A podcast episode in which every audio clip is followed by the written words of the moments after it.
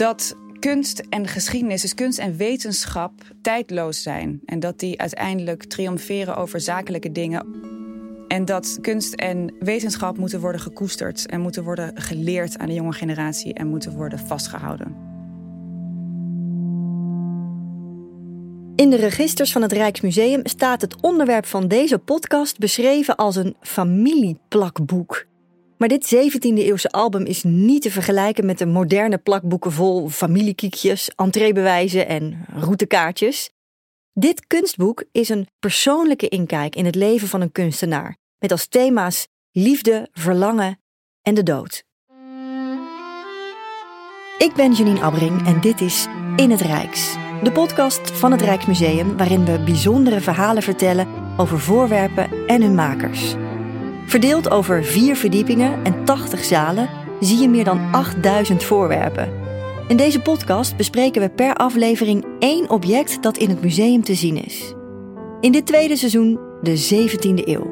Van keramiek tot diamant en van beeldhouwwerk tot hoofddeksel. En in deze aflevering een familiealbum met tekeningen van een jonge vrouw uit de 17e eeuw, Gesina Terborg, de bewaardster van een familiekroniek. Ik praat hierover met conservator Ilona van Tuinen. Voor we beginnen, wil je weten hoe dit familiealbum eruit ziet? Ga naar rijksmuseum.nl/slash podcast. Eigenlijk bladeren we door het leven van Gesina Terborg. Want Ilona van Tuinen, conservator tekeningen van het Rijksmuseum, kunstboek plakboek, dagboek? Wat, wat is het volgens jou? Het is eigenlijk een beetje van alle drie. Het is, kunstboek is een goede benaming, want het is een duidelijke keuze die Gesina heeft gemaakt van kunstwerken van zowel Gesina zelf als van haar familie, die ze met heel veel zorg heeft ingeplakt tussen allerlei gedichten van anderen door. Dus het is heel duidelijk een boek waar ze een visie over had. Van kunst die zij belangrijk genoeg achten om, om te behouden. Een plakboek, dat heeft iets, iets randoms bijna. Maar dit is een met zorg samengesteld boek. Precies. Het is inderdaad met zorg samengesteld. En het, is ook, het heeft hele persoonlijke kanten. Vandaar ook dat dagboek. Die dagboekvergelijking is ook relevant. Want heel veel van haar tekeningen die geven een heel erg intiem beeld van een ja, jonge vrouw van haar leeftijd, eind twintig. Ook nog in de 30 en 40 zelfs. Die kampt met hele menselijke gevoelens en emoties als liefde, verlies, dood, blijdschap. Ja, uh, emoties waar we ons allemaal in kunnen vinden. In kunnen herkennen. Ja. Daar gaan we het zo meteen uitgebreid over hebben. Eerst even over Gesina zelf en haar familie. Want ja, het is eigenlijk heel logisch dat zij zo'n boek maakt of kon maken. Want ze komt ook uit een bijzondere familie. Dat is zeker zo. Gesina was een van de dertien kinderen van Gerard Terborg senior. Hij was kunstenaar die zelf ook naar Italië was geweest. En heel veel tekeningen daar had gemaakt. Maar die uiteindelijk besloot om ambtenaar te worden. Heel succesvol ook daarin. En hij had dertien kinderen, van wie verschillende heel talentvol. En Gerard Terborg junior is misschien wel de beroemdste. Die is uh, natuurlijk wereldberoemd vanwege zijn schilderijen, waaronder ook enkele in het Rijksmuseum. En Gesina is daar het eh, jongere halve zusje van. Ze was 14 jaar jonger. Waarom besloot Gesina zo'n boek te maken? Ik denk dat Gesina zich heel erg bewust was van de talenten in haar familie. Zowel van haar broer Gerard, die al in haar eigen tijd heel beroemd was, als van haar twee jongere broertjes Harmon en Moses die ook heel erg goed konden tekenen. En ik denk dat ze daar al toen ze 29 was, in elk geval, en dat album begon te maken, dat ze zich bewust was van al die talenten en die wilde ze samenbrengen op de een of andere manier. Die wilde ze behouden. Maar ze was daarentegen ook ambitieus zelf. Ze wilde ook zichzelf kunnen uiten uh, op dat vlak. Dus we zien ook haar eigen artistieke ontwikkeling in dat boek terug. En als we eens proberen er doorheen te bladeren, maar dan natuurlijk in audio in dit uh, geval. Hoe, hoe groot is het boek? Hoe ziet het eruit? Het is een vrij groot, fors boek. Het is ongeveer 180 pagina's. Het is in uh, een hele mooie perkamenten band. Maar groot als in een, een, een, bosatlas? Of hoe groot is groot? Groot als in een, dat is een goede as in, een, een liggend A4'tje. Maar dan zeg maar, als je het openslaat, zeg maar keer twee naast elkaar. Ja. Dus echt wel groot. Mm -hmm. Misschien zelfs nog een klein beetje groter dan dat. Dus je kunt er heel veel in kwijt. En als je er doorheen bladert, dan begint het meteen met een paar lofdichten op haar. Dat heeft ze aan mensen gevraagd om die te schrijven. Echt een soort poesiealbum eigenlijk? Eigenlijk wel, soort van, absoluut. En sommige zijn standaard, een beetje wat je in die tijd kunt verwachten. Andere zijn persoonlijker. Het heeft tekeningen van haarzelf. Ze maakte hele, zeker toen, want ze was toen al echt al um, gevorderd als kunstenares, maakte ze zelf tekeningen in het boek. En als je doorheen bladert, zie je dus zowel echt bladvullende tekeningen van haarzelf, die ze ofwel direct in het boek maakte, ofwel erin plakte. Dus elders maakte en dan erin plakte. En naarmate je door het boek bladert, komen er steeds meer werken van haar familieleden bij. Dus van, zowel van haar vader als van haar broers. We zien in dat kunstboek uh, werk van haar, van haar broers, van haar vader, maar ook van haarzelf. En ik vind het leukst om daar natuurlijk bij, bij te beginnen, bij Gesina zelf. En wij hebben hier wat afbeeldingen, want we hebben het boek natuurlijk zelf eh, niet hier, hier liggen, maar wel een aantal afbeeldingen. Kun je er eens eentje uitpikken? Ja, wat interessant is om mee te beginnen misschien is het titelblad van dit kunstboek. Uh, dat heeft ze zelf gemaakt. En dat is een redelijk ambitieuze, ingewikkelde compositie... waarin je schilderkunst ziet aan een ezel... en zij triomfeert over de dood en de tijd. Dus het is een, een allegorie. Ik zie een vrouw achter een schildersezel en zij schildert... en achter haar staan engelen? Ja, staan twee andere personificaties, namelijk poëzie en geschiedenis, historia. Dus je hebt hier poëzie, dus dichtkunst, schilderkunst en geschiedenis als, als de drie, zeg maar, uh, ja, als de, de, de wetenschappen drie, die triomferen over tijdelijke zaken zoals de dood en de tijd.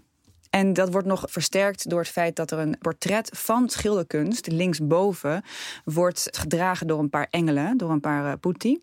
Dus, dus die is ook echt, die, die, die ontstijgen ook letterlijk aan de wereldse zaken die met tijd te maken hebben. Ja, en inderdaad dat triomferen over de tijd en de dood, dat zie ik vermoedelijk hierdoor. Er ligt ook een skelet. Precies, dus zij, zij verplettert letterlijk de dood en de tijd. Dus de tijd hier door het, de personificatie van de vadertijd, die ligt daar met zijn zijs, die is gebroken en zijn twee vleugels, die staan voor de zon en de maan. Waar je dus de hele etmaal in vertegenwoordigd hebt. En het skelet, dus de dood. Dus die probeert nog te vergeefs een pijl te richten op het doek van het schilderkunst. Maar dat lukt niet, want hij wordt dus verpletterd. Ja, en in iets minder hoogdravende bewoordingen, wat zal ze hiermee hebben bedoeld? Dat kunst en geschiedenis, dus kunst en wetenschap, tijdloos zijn. En dat die uiteindelijk triomferen over zakelijke dingen. En dat kunst en wetenschap moeten worden gekoesterd en moeten worden geleerd aan de jonge generatie en moeten worden vastgehouden. Oh, dus het is ook wel een beetje een stichtelijke boodschap van haar eigenlijk. Ja, maar wel een waar ze heel erg in geloofde, want die komt steeds in haar werk terug. Zowel in haar jonge werk als in deze vrij gevorderde tekening. Dus het is, het is echt iets waar ze heel erg zich voor hard maakte en waar ze dat, dat voelde ze op een heel erg diep niveau.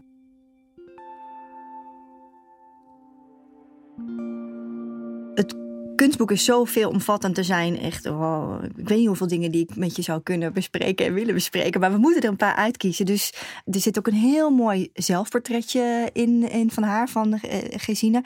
Wat voor is het het lijkt olie, maar er staat aquarel bij. Ja, inderdaad. Het, het, uh, het lijkt op olieverf, maar dat is het niet. Haar tekeningen zijn vrijwel allemaal gemaakt met pen en inkt. Maar dan zijn ze ingekleurd met waterverf. En soms is die waterverf wat transparanter.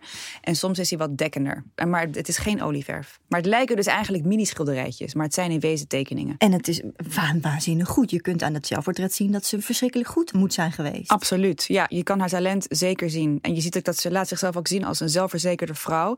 Het is een gezicht dat we ook overigens goed kennen. Niet alleen maar van haar eigen zelfportretten, want ze heeft er meerdere gemaakt. Maar ook van haar broer Gerard junior, dus de beroemde Gerard. Die heeft haar veel gebruikt als model in zijn schilderijen. Dus we kennen dat gezicht goed. Met die beetje spitse neus, een beetje bolle ogen, een alerte blik, een beetje rossig haar. Het is een uh, heel vertrouwd gezicht in de familie Te Borg. Wat was haar positie in die familie? Zij was het middelste kind. Zij was nummer zes van de dertien. En ze was veertien jaar jonger dan Gerard junior, maar veertien jaar ouder dan de jongste, Mozes Terborg, die ook heel talentvol was. En zij was, denk ik, geliefde zuster van alle broers en zussen. Maar was ook tekenares. Alleen niet professioneel, als sinds ze heeft er nooit haar brood mee verdiend. Dus ze heeft het altijd min of meer voor zichzelf gedaan. Maar, maar was dat überhaupt een optie in die tijd voor een vrouw? Het was een optie, maar het was natuurlijk veel minder gebruikelijk. Want als je echt meesterschilder wilde worden, dan moest je jaren in de leer. En je moest ook vaak dan bij verschillende meesterschilders in de leer. En alleen Gerard de Borg heeft dat gedaan. Dus Gerard uh, junior, die is bij Pieter Molijn in Haarlem geweest. Die heeft daar ook een opleiding genoten. Dus die heeft zich meer kunnen ontwikkelen, heeft ook gereisd naar door Italië, door, door Spanje.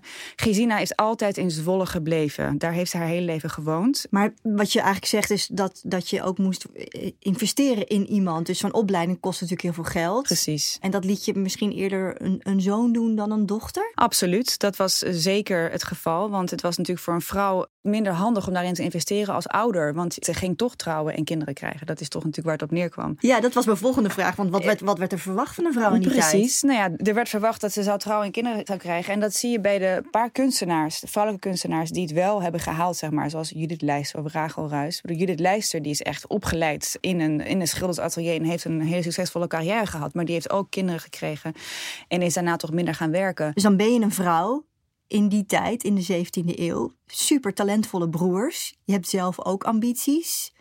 Kun je die dan kwijt op zo'n moment, denk jij? Misschien niet op de manier die ze had gewild we weten van de tekeningen die over zijn gebleven dat haar vader haar broers vooral heeft opgeleid. Want die heeft tekeningen van de broers ook gesigneerd of in elk geval daarbij gezet: dit is mijn zoon op deze datum. Bij haar hebben we daar maar twee tekeningen van. Dus ze heeft het eigenlijk alleen moeten doen. Ze is niet officieel opgeleid op die manier. Maar die ambitie had ze misschien wel. Dat is natuurlijk moeilijk om na te gaan gebaseerd op wat we nog hebben van haar. Maar wat we zien is een hele talentvolle kunstenares die zich ontwikkelde en die steeds weer zichzelf opnieuw uitvond en nieuwe composities bedacht. En die echt wevelen van de humor, van de vindingrijkheid. Dus dat is een hele ambitieuze vrouw geweest. Wat ze nou daar precies mee wilde, weet ik niet. Wat we hebben is dit kunstboek, waarin we ons wel een beeld kunnen maken van wie zij geweest is.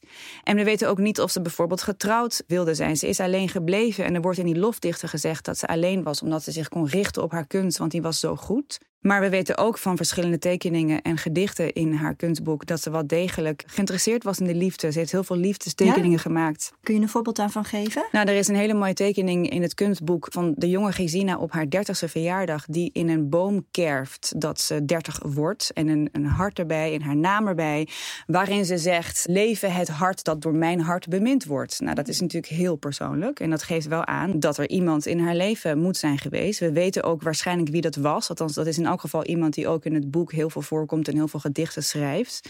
En deze tekening komt precies tussen twee gedichten die gaan over een boottochtje, of in elk geval een tochtje net buiten Zwolle, het jaar daarvoor. Dus er was een love interest op dat moment? Absoluut, dat denken we wel. Maar die persoon die verdwijnt op een gegeven moment uit haar leven en ze blijft ongehuwd achter. Dus of dat een keuze van haar is geweest, bewust, dat weten we gewoon niet. Het plakboek is echt een soort eh, familiekroniek. Is dat iets wat zij vanuit haarzelf heeft willen samenstellen? Of is dat gevraagd vanuit de familie? Wat was het doel van dat boek? Dat weten we ook niet, want daar hebben we geen documenten over. Of daar wordt in elk geval in het boek zelf geen melding van gemaakt. Maar ik denk zelf dat het een keuze van haar geweest is. Ze was een soort spin in het web, zou je kunnen zeggen, als middelste kind tussen al die talenten en zelf ook met ambities. En ze had al twee andere albums gemaakt, samengesteld, meer met teksten en ook met tekeningen. Dus het was iets waar ze bekend mee was, maar het, ze voelde ook een drang, duidelijk, om de herinnering aan haar familie te behouden.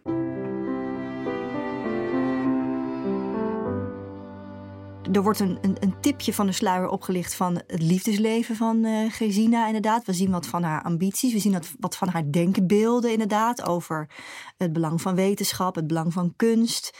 Maar we zien ook rouw bijvoorbeeld in het kunstboek. Kun je daar een voorbeeld van geven? Ja, we zien heel veel rouw in het kunstboek. En ik denk dat dat een van de grote verschillen is tussen het leven van toen en van nu. Ongeacht hoeveel er ook raakvlakken zijn.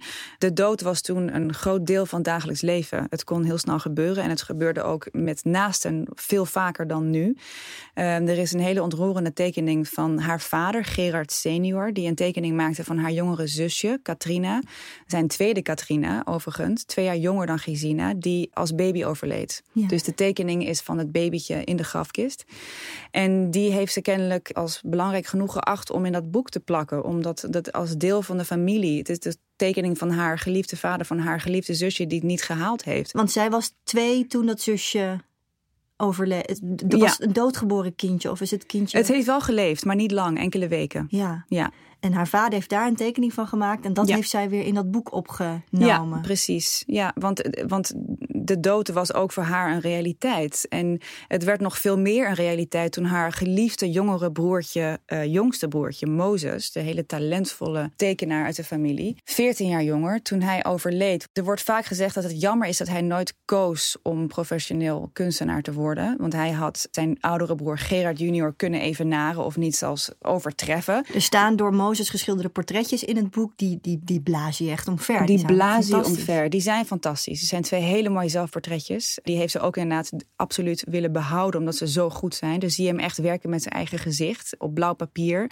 Heel los, heel vluchtig, heel snel, waarin hij echt zichzelf neerzet als persoon. Je voelt gewoon dat je hem kent. Dat is, daar is heel erg veel talent voor nodig. Dus die, die kom je ook in het boek tegen, inderdaad. Maar Mozes kwam jong te overlijden. Ja, want hij besloot bij de marine te gaan. En overleed tijdens de Tweede Nederlands-Engelse oorlog bij Harwich. Dus echt aan de overkant van het water zo ongeveer in Engeland. Dus hij overlijdt daar tot grote verdriet van Gesina en de familie. En ze wijt er ook een flink deel van het boek aan. Met drie grote tekeningen van haar broer, postuum. Uh, portretten van haar broer, die staat aan de Engelse kust met de dood die hem op komt halen. Dus in een bootje achter een boom. En ook verschillende rouwschriften, zowel gedrukt als geschreven door mensen om haar heen. Dus het, het is ook een manier geweest voor haar om te verwerken, om hem te commemoreren. Het is een heel persoonlijk boek eigenlijk. Wanneer zag jij het voor het eerst? Ik zag het voor het eerst toevallig op mijn eerste werkdag bij het Rijksmuseum. Ik weet het nog goed. Hoe lang is dat geleden? Niet zo lang geleden, 2,5 jaar. En ik werd door mijn voorganger rondgeleid door het Rijksmuseum. En toen gingen we ook meteen kijken naar enkele van de mooiste werken waar ik verantwoordelijk over zou worden. Dus dat was natuurlijk een, ja, was een, een groot moment. En ik weet nog wel dat ik dit album in mijn handen kreeg en dat ik dat als heel bijzonder heb ervaren. Omdat het, het kan niet anders dan dat het je raakt, ook nu nog, vandaag. Want het is niet alleen maar een hele mooie inkijk in het dagelijks leven van een 17e eeuws persoon, vooral in Zwolle. Je ziet heel veel Zwolse interieurs en, en, en, kostuums.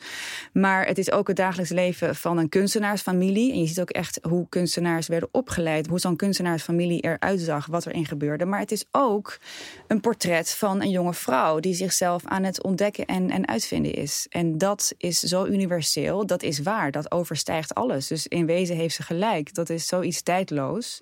En dat heeft ook, eh, zou je kunnen zeggen, de dood en de tijd verslagen. Want al die jaren later hebben wij het nog in ons bezit en kunnen we er nog van genieten. Ja, want zoveel eeuwen later raakte het jou nog steeds. Absoluut, ja. Weet je nog wat je het meest raakte, wat je, wat je trof? Ik denk het feit dat je. Uh, er is geen ander document als dit uit de 17e eeuw. Er is geen ander document dat ons zo'n persoonlijke inkijk geeft in een vrouwenleven, in een kunstenaarsleven. Uh, zo'n compleet document dat bestaat uit persoonlijke tekeningen, grappige tekeningen, gedichten. Het is zo'n compleet overzicht van een vergeten tijd in wezen. Of in elk geval een tijd waar we heel weinig tastbare herinneringen, herinneringen aan hebben. Het is in wezen wat dat betreft compleet uniek. We hebben geen vergelijkbaar iets.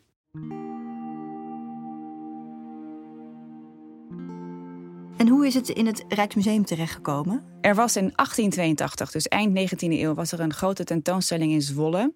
Een historische tentoonstelling waar ook een paar werken van Gerard de Borg hingen. En Abraham Bredius, de grote kunsthistoricus en later ook directeur van het Mauritshuis, die ging daarop af. En hij sprak daar een nazaat van de Terborg-familie. En die vertelde aan Bredius dat hij thuis nog een heleboel materiaal had. Dus Bredius die was natuurlijk geïnteresseerd, ging daar naartoe. Maar die viel van zijn stoel van verbazing. Die had geen idee dat er zo ontzettend veel zou zijn. Want het was helemaal ongedocumenteerd. Niemand wist dat het nalatenschap van het atelier nog over was gebleven en dat het allemaal nog bij elkaar was gehouden. En het gaat dus om ruim duizend tekeningen van vader, van zonen, van zelfs van Anna, het zusje van Gesina, van Gesina zelf. Zo ontzettend veel materiaal. Dus hij schreef op in zijn boekje: Dit is echt ongelooflijk. En vier jaar later, toen kwam deze nazaat overlijden. En toen is het geveild bij Frederik Muller in Amsterdam. En toen is het gekocht door de Vereniging Rembrandt. Die was toen net nieuw. En die heeft het toen gekocht met het idee om het dan over te brengen op het Rijksmuseum, naar het Rijksmuseum. Ja, en dat is toen ook gebeurd. Dat is ook gebeurd. Dus het is sinds begin 1887 in bezit van het Rijksmuseum. Gesine had dus die heel talentvolle broers. Ze zat in die 17e eeuw, waarbij je toch als vrouw eigenlijk werd geacht om ja, trouwen, kinderen krijgen, et cetera. Bloedlijn voortzetten, dat was wel een beetje je hoofdtaak. Hoe denk je dat haar broers naar haar keken? Ik denk dat haar broers haar zagen als heel talentvol. Ik denk dat zeker haar oudere broer Gerard junior... die is op een gegeven moment een periode in Zwolle geweest. Cruciale jaren voor Gesina, want hij kwam in 1648 terug naar Zwolle... na heel veel reizen. En dat was precies de tijd waarin zij begon met haar eerste tekeningen. Dus ik denk dat hij haar heeft aangemoedigd, heeft gestimuleerd... omdat hij zag dat daar heel veel talent zat. Toch wel? Absoluut. Niet gedacht van, joh, dat is niks voor een vrouw, dat moet je niet willen. Nee, ik denk dat hij absoluut daar heel veel potentie in zat... en haar ook echt gestimuleerd heeft. Want wat was, welke status kreeg ze uiteindelijk als kunstenaar? Nou, als kunstenaar niet een hele grote status, omdat ze natuurlijk tekeningen maakte. En uh, geen prenten die je kunt verspreiden, ook geen grote schilderijen die je kunt ophangen in, in grote publieke plekken, bijvoorbeeld in openbare plekken. Dus uiteindelijk bleef wat ze heeft nagelaten, bleef kleinschalig. En bleef voor haar ogen, maar ook voor de ogen van mensen uh, om haar heen, maar niet landelijk bijvoorbeeld. Nee. Dus, Kwam dat ook door de plek waar ze zat? Ik bedoel, misschien zou het zeker die tijd verschil maken of je in Zwolle woont of in Amsterdam. Misschien. Ze is natuurlijk nooit wereldberoemd geworden. Ze is zelfs niet nationaal beroemd geworden. Maar ze heeft wel al die lofdichten, wat je daarin ziet, in die lofdichten in haar album is dat ze heel erg werd gerespecteerd. Wie schreven dat soort lofdichten? Bijvoorbeeld haar oude leraar van de Latijnse school in Zwolle. Uh, bijvoorbeeld deze, deze man eh, met wie ze wellicht verloofd is geweest. Mensen die gedichten schreven, toneelstukken schreven, die met de Nederlandse taal zich heel erg bezig hielden met de kunsten. En die schreven over haar. Die schreven over haar en die schreven allemaal dat ze niet alleen maar mooi en deugdig was, want dat was natuurlijk toch erg belangrijk in die tijd voor een vrouw, maar dat ze ook heel talentvol was, dat ze erg goed was. En dat ze op een gegeven moment schrijft ook haar oude leraar van de Latijnse school. Die schrijft dat zij alleen gebleven is omdat ze kunst wilde dienen. Want kunst was voor haar zo belangrijk, dat wilde ze kunnen blijven doen. Of dat waar is, dat weten we natuurlijk absoluut niet. Of het haar keus was. Maar ze had wel een, een aanzien in kleine kringen in Zwolle om haar heen. Dus dat weten we. Ze is niet nationaal beroemd geworden, maar ze heeft ook een andere hele belangrijke rol gehad. En dat is dat uh, bewaren van die hele familiegeschiedenis van de Terborg-familie. Want je kan absoluut zeggen dat zonder Gesina, die in haar testament heeft gezegd: dit moet bij elkaar blijven en dit moet nooit verkocht worden, dit is zo belangrijk. En dat is ook gebeurd tot aan die laatste nazaat. Zonder haar hadden wij nu geen inzicht gehad in die familie Terborg. Zonder haar hadden we schilderijen gehad van haar beroemde broer. Maar hadden we geen enkel idee gehad over de talenten van haar andere broers, van haarzelf. En van het reilen en zeilen van zo'n kunstenaarsgezin.